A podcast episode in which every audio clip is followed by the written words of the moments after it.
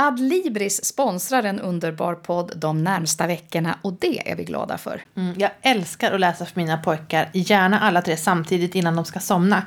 Det gör att barnen utvecklar sin fantasi, de lär sig mer om världen, historia till exempel. Och så får de ju faktiskt lättare i skolan. Du har ju till och med skakat fram en siffra på det här, Klara. Ja, barn till föräldrar som läser 10 minuter om dagen under uppväxten de har i tonåren mer än tre gånger så stort ordförråd Oj. som barn som inte fått någon läsning hemma. Passa på att vara in och mys med böcker nu de här mörka novemberkvällarna som kommer.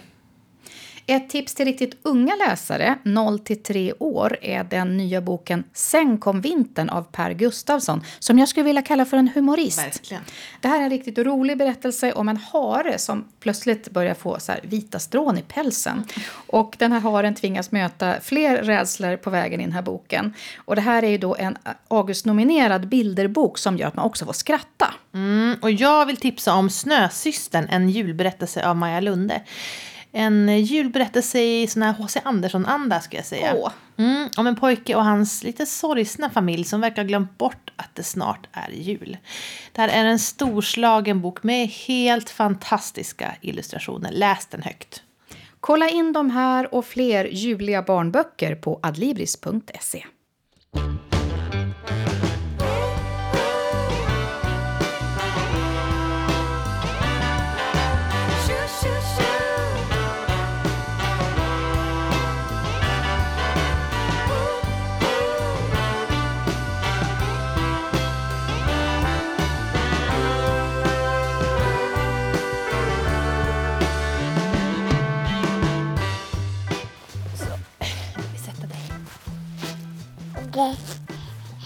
Så.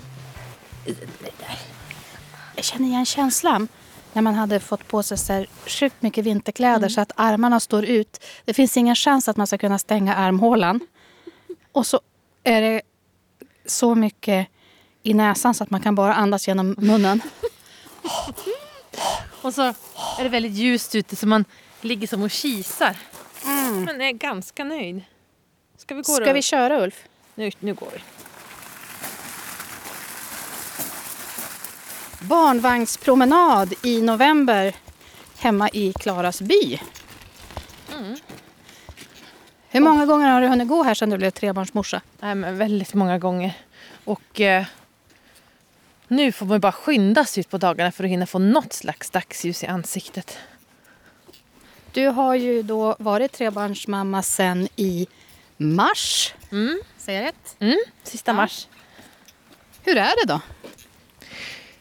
Ja, men det är så himla mycket roligare och enklare än vad jag trodde. Alltså, nu har jag ganska långt mellan mina barn och eh, mina äl min äldsta son, han är ju en fullfjädrad barnvakt.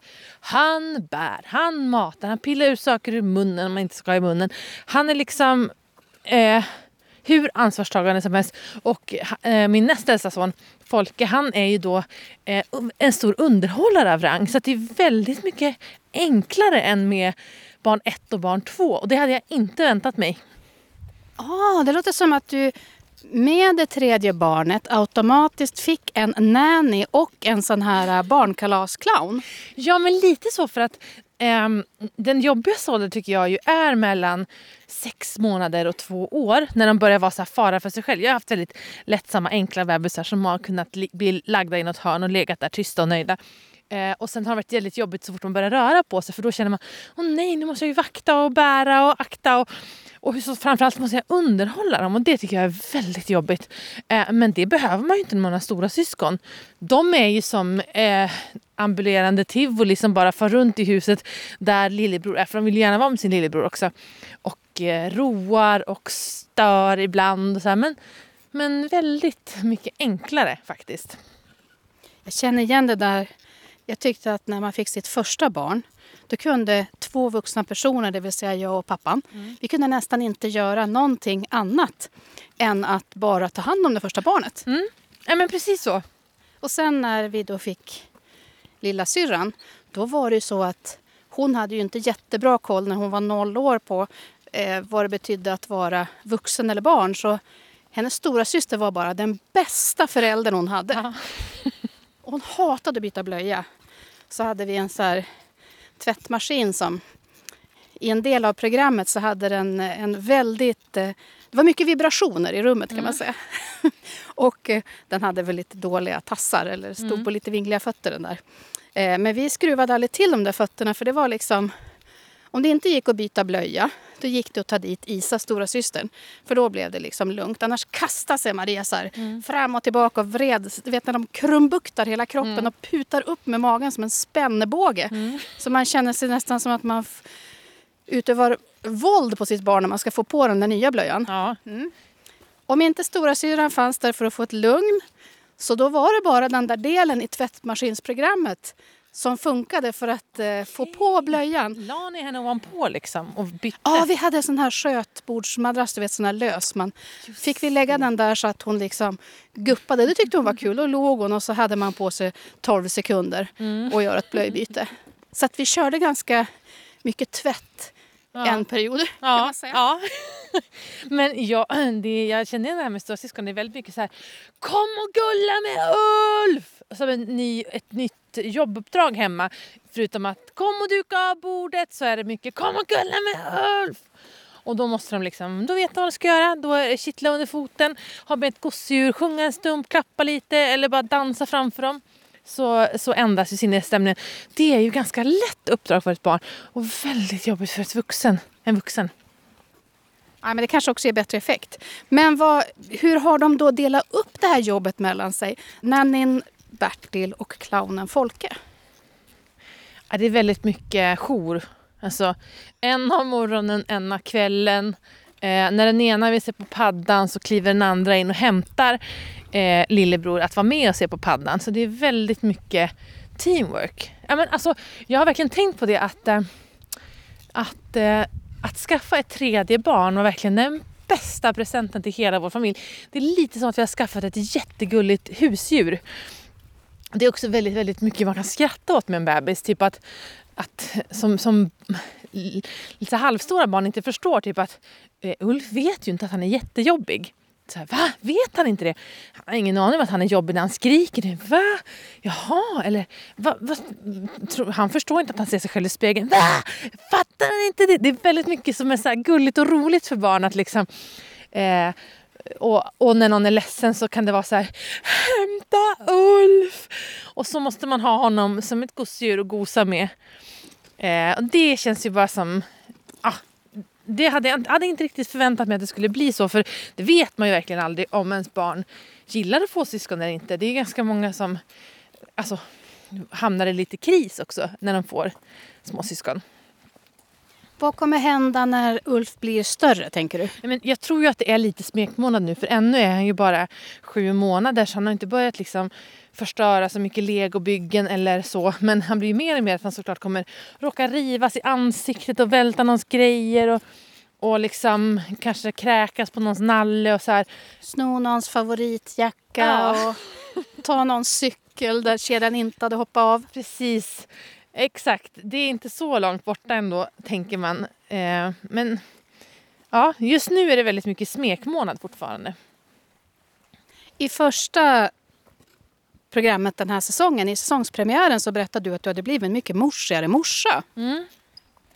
Du berättade att du ställde högre krav när det gäller kontakten med eh, förskola, skola och sådär. Men vad har det mer gjort för skillnad med dig för dig själv? Ja, men jag, åh, jag kände mig jag har inte mått så bra i min kropp. Först mådde jag bra när Ulf precis hade fötts. Att jag liksom hade en jobbgraviditet och att den var slut var ju bra. Men jag har ju haft en kass kropp och det har jag fått jobba med. Vilket har gjort att jag har, jag har känt mig väldigt, väldigt förbrukad. Alltså jag har verkligen känt att jag är så, jag är så gammal och ratig. Förbrukad? Det är ett oerhört krasst ord. Ja, men det var ju precis så det kändes. Det är ingen överdrift. Jag har verkligen tänkt många gånger så att det är tur att jag är liksom otroligt säker trygg i min relation och att jag eh, eh, känner att jag har ett jobb jag trivs med. Så här, för att annars, min, min självförtroende som kvinna är ju på, totalt på noll. Hur menar du då? Ja, men jag känner bara att min kropp är, den är verkligen förbrukad. Jag har så ont, jag haltar värre än min åt, 94-åriga mormor gjorde.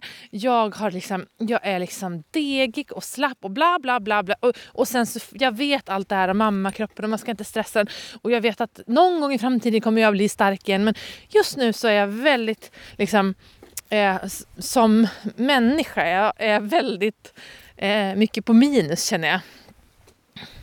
Mm. Vad var det du tänkte när du valde att säga bla bla bla? Ja, men, så fort man säger att man liksom, eh, åh, jag känner mig inte som mig själv i kroppen så kommer någon och Känn ingen mammastress nu.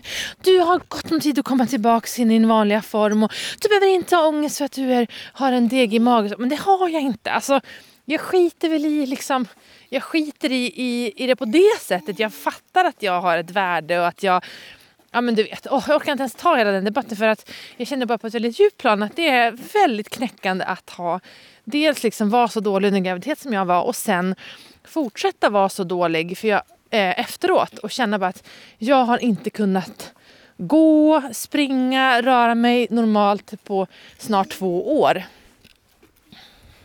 Men de där tröstande orden som du nu la en raljant röst på, är det inte det man vill höra då? Jo, fast ibland tycker jag att det där, alltså det är välmening men det blir också ett sätt att tysta folk bara. Ungefär som att sluta bry dig om det här, du har fått, du har fått världens största gåva.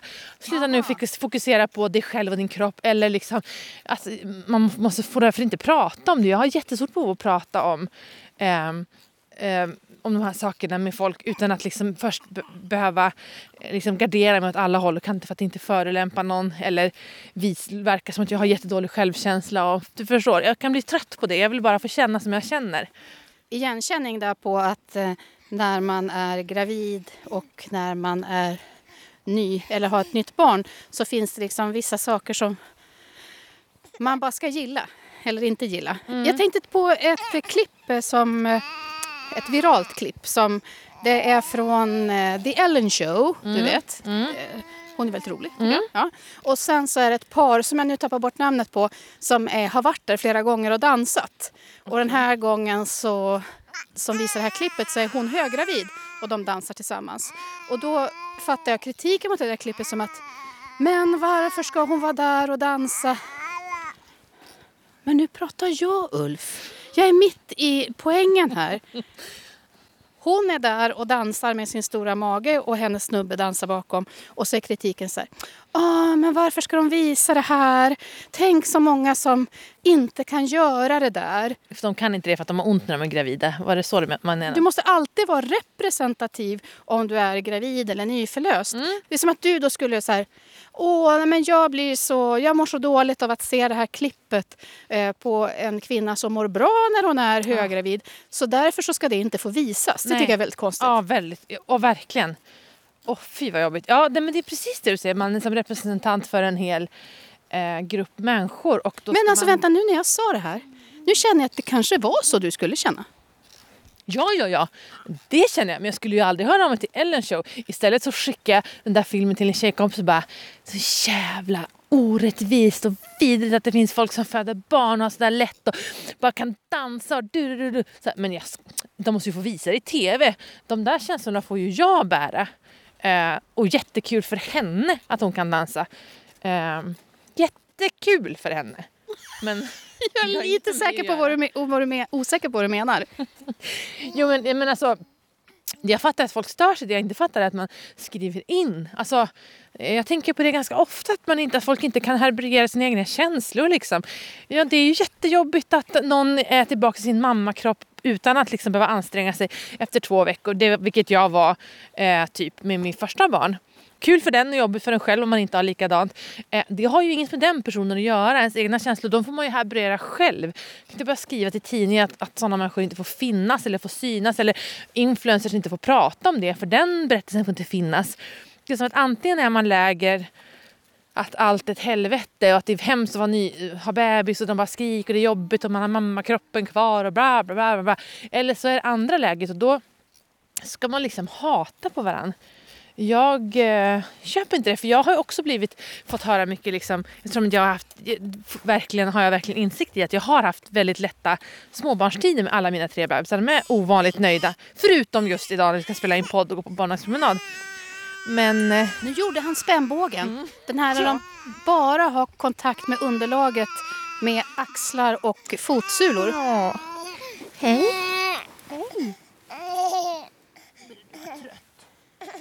Han är inte trött, han gillar inte mig bara. Ja. Han har ju tänder i överkäken också. Har han? Jo, Jag har bara... Nu kliver ut så kolla i solen. Nu ser du att det är vitt. Gud, det förklarar ju ett hans humör. jo, men det jag skulle säga var att eh, det är som att Ja, alla... men vi låter grabben somna så fortsätter vi prata om en stund.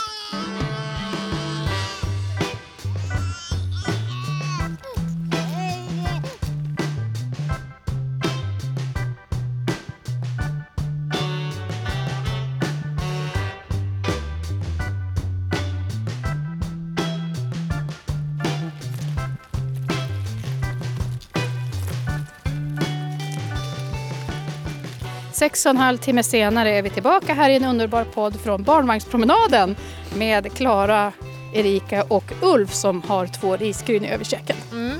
Mm. Nej, vaknade han igen! Förlåt. Vi ser om du somnar. Somna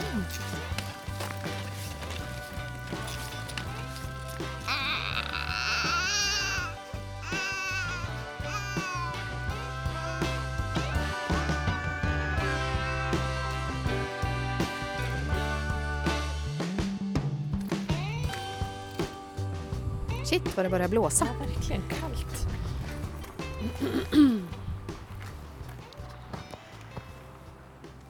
Du har ju förändrats helt galet mycket i och med eh, tredje barnet. Hur då? Eller vad då? Jo, förut när vi skulle spela in poddar då var det så här. Ja, det är idag du ska komma. Är du, har du klivit av tåget nu? Ja, men då kommer jag hämta dig. Eh, hur många avsnitt var det? Oj, var det fyra avsnitt? Ja, men säg vad vi gör så, så kör vi. Det kunde vara, nu raljerar jag lite, men det kunde vara eh, att du tog Fan, ganska mycket på volley. Oskön människa. Mycket liksom eh, att dra ur rockärmen, inte så välplanerat i, alltid när man hade jobbat, skulle göra poddar. Nu är det ju tvärtom. Mm. Inför idag att jag skulle komma och träffa dig så fick jag först en, eh, två tele- telefonsamtal om vad podden ska innehålla. Och sen också får jag höra att eh, det ska komma en lista till mig. Mm. Och när jag öppnar den så är det ett schema med tidpunkter, sju, åtta stycken. Jag hämtar dig 8.40. Vi åker hem. Jakob har Ulf. Vi fikar. Fikat är slut 10 och 00. Då går vi över. människa. Nej, det var ju jätteroligt. Jag gillar det jättemycket. Det bästa är att när det här hade kommit så, kom, så satt ju jag och läste på det och tänkte wow, nu har något hänt här. Och efter det så kom det en, ett nytt sms. Glöm det jag skrev. Här är den uppdaterade versionen. Nya tider, ännu mera eh, liksom, eh, inringat och ingenting lämnas till slumpen. Nej. Vad är det som har hänt? Nej, det är tredje barnet alltså. Det måste ju vara det. Det finns liksom inte utrymme att strula på. Och jag vet att min svärmor har sagt det här till mig att att jag är ju väldigt slarvig så här, och, och det var hon också när hon var yngre. Och då, att det kommer ändra sig när du får fler barn för det går inte att vara hur slarvig som helst. Då, då måste man ha lite ordning. Hon har fyra barn. Eh, och det stämmer. Så jag tänker så här, ett fjärde barn, det skulle, då skulle jag verkligen få koll på mitt liv. Ja, du tänker så. Ja, jag tycker att det är en gammal sanning att du är så slarvig.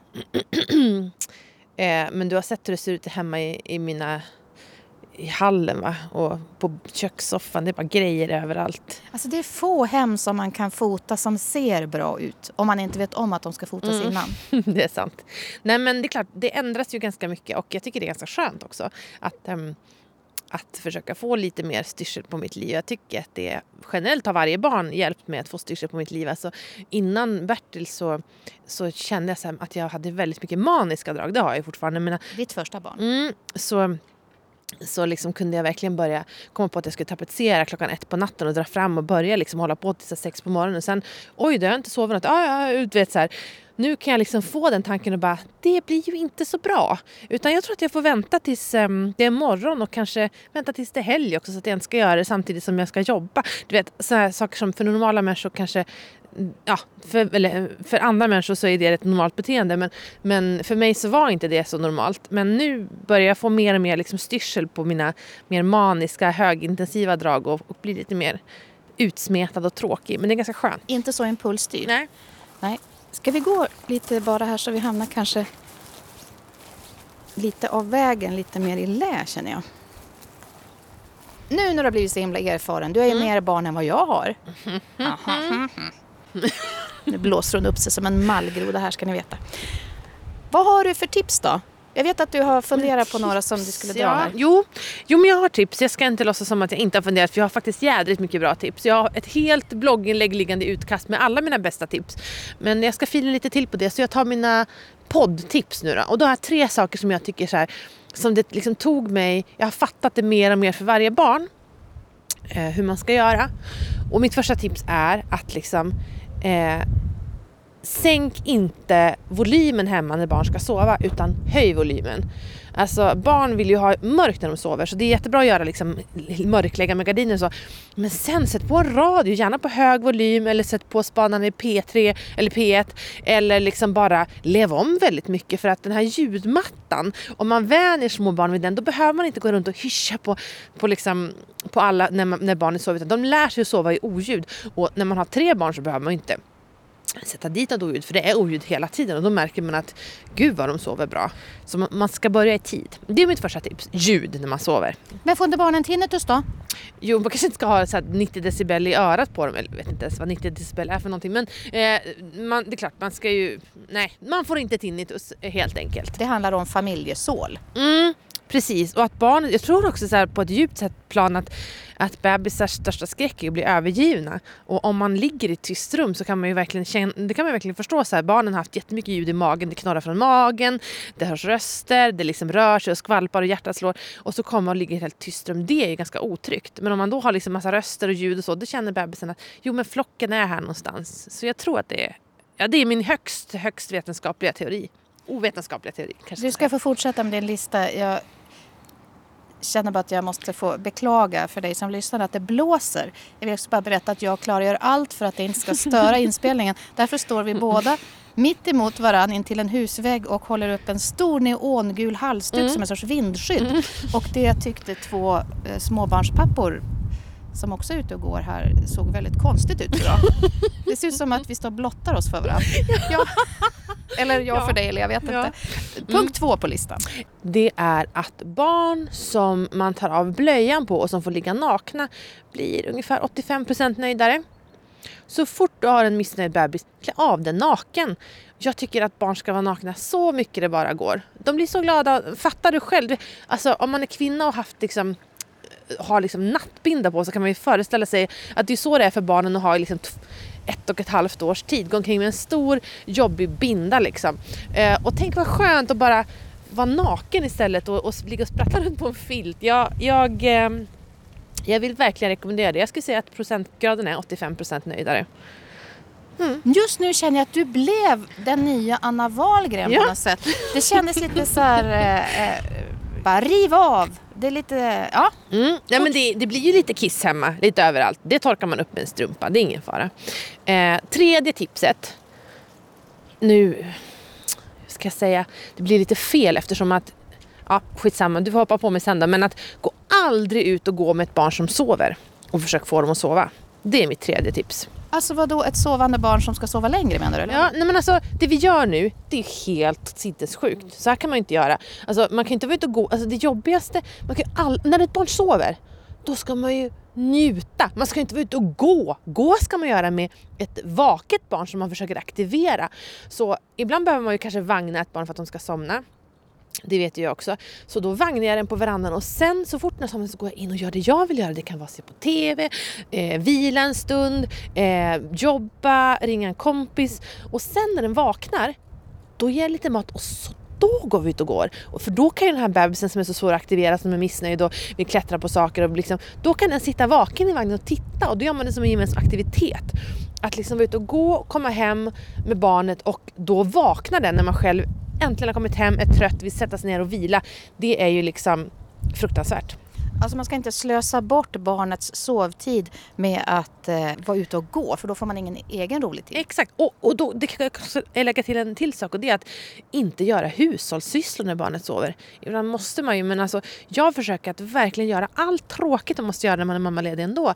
Plocka i diskmaskinen, plocka ur tvättmaskinen. Eh, liksom, gör det när barnet är vaket och lite äldre barn, nu är ju Ulf bara sju månader men alltså typ så här, tio månader från att de kan stå lite själva mer och så här, då tycker ju de att det är jättekul att vara med och liksom eh, hänga på. Så att, Åh, nu kommer en bil, granne. Ehm, Jävla skit, nu vaknar Ulf. Åh nej. Ja, nej men... Ja, men då Nu- blir det i och för sig rätt då, Ja. utifrån din lista. Hoppas han vaknar nöjd nu bara. Det tror inte jag. jag. Jag tror inte han gillar mig. Jo.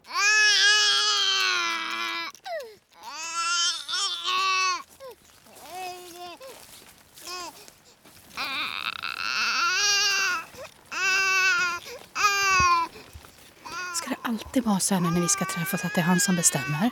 Tydligen. Erkänn det du tänker. Ja, hela tiden. Fast jag har tre barn tycker jag att det är lika jobbigt varje gång. Vad är det sämsta med att ha ett eh, småbarn när du nu har fått lite större barn? Nu gör du om det, nu börjar du om. Nej, men det är ju det här att man inte kan ehm, släppa uppsikten. Jag gillar ju det här med att barn blir större. Att man kan liksom ta ansvar själv nu. Iväg med dig. Det är väldigt svårt att göra till någon som är sju månader. Gunga din egen vagn. Gunga fan. egen vagn för fan. Kom igen och somna. Nej men eh, jag gillar inte... Nu hade jag ju packat en picknickkorg till oss. Vi skulle gå till min bästa sjö. Vi skulle sätta oss och fika där. Istället skriker han hela tiden dit. Så vi går hem och när vi kommer hem får vi ta vår picknickkorg i trädgården. Nu funkar ju det också men det var inte vad vi hade tänkt oss. Nej, men du får ju tänka att du är en 45-åring med dig som behöver en rejäl stol att sitta på. Det här blir skitbra, Klara. Ja, men vad är det bästa då? Äh, det bästa. Jag fattar ju verkligen varför många skaffar barn vid typ 40. För att man känner sig väldigt ung när man har en liten igen. Och nu är jag ju ganska ung. Jag är 33 så det är inte så konstigt att, att, att jag känner mig förhållandevis ung. Men man känner verkligen bara... Ja, jag vet inte. Och det är någonting också med att när folk är så här... Eh, jag tror att jag nämnde det i första poddavsnittet. Att när folk är så här... Åh, har du en bebis? Är det ditt första barnet? Så här, Nej, det är tredje. Nej, jag har tre hemma. Eller nej, jag har två hemma. Man känner sig väldigt rik. Och det är väldigt svårt för folk att mammaskamma en. För liksom, du måste du ha tre barn eller fler för att ens komma i, i fråga på att skamma någon som har tre barn. Så man har, man har en maktposition som mamma som man inte hade tidigare. Vad är mammaskammande 2019? Alltså jag vet inte. Jag måste, måste vara helt ärlig säga att jag tycker att det har varit väldigt mycket snack om eh, mammaskammande eh, som jag inte riktigt köper. Alltså det är lite grann som du pratade om i alkoholavsnittet. Att det är så jobbigt, man får så mycket kritik när man väljer att inte dricka alkohol. Och det är så jobbigt, man får så mycket kritik när man är mamma. Jag ska säga att riktigt mammaskammande har jag nästan aldrig råkat ut för. Och i så fall bara på min blogg av vissa eh, eh bloggläsare med ännu fler barn än mig. Eh, just nu så jag tror inte jag blir mammaskammad en enda gång sen jag fick min trea. Så tipset är om du blir mammaskammad, bara fortsätt skaffa barn tills du har fler än de som försöker skamma dig. Då är det kört. Men Vem fan ska våga vara eh, mamma skamma dig? Som eh, du har berättat här i podden att du liksom går in i skolan och kräver saker. Och det känns som Ja. att du går in med väldigt så här, eh, eh, djup vuxenröst och Mm. breda höfter. Mm. När du... Men grejen är att det är lite så att det är svårt att skamma går ju ut på, det är därför det är så lätt att skamma barn. Liksom, att titta på dem strängt. Eller, de har ju ingen makt. Någon som känner att de har makt och inte så himla lättkränkt har liksom, eh, självförtroendet, de är svåra att skamma. Och det tror jag kommer med ju fler barn man har. Även om jag känner mig väldigt trygg med mitt första barn också faktiskt. Så, så var det ju så fort jag försökte hävda det så var det så här, ah, fast vad vet du, det är ditt första barn, du hade bara tur, det råkar bara bli så här. Du, du, du, du, du. Så nu känner jag mig på djupet trygg. Och liksom, även om någon skulle få för sig att försöka skamma mig så det är inte ens säkert att jag skulle upptäcka det. För jag skulle liksom, jaha, men vad försöker du prata med mig nu? Nej, nej men dig kan man ju inte lyssna på. Jag vet ju precis hur jag ska göra med mina barn. Så det är liksom en trygghet som kommer. Men jag fattar att så kanske inte är för alla. Men för mig har det varit det. Jag tycker att många mammor jag pratar med också uttrycker det. Att liksom för varje barn så, så bryr man sig mindre och mindre om vad främmande vuxna säger om ens bebisars matvanor eller sovvanor eller vad det nu kan vara för något. Nu tar vi lite fika här va? Det gör vi.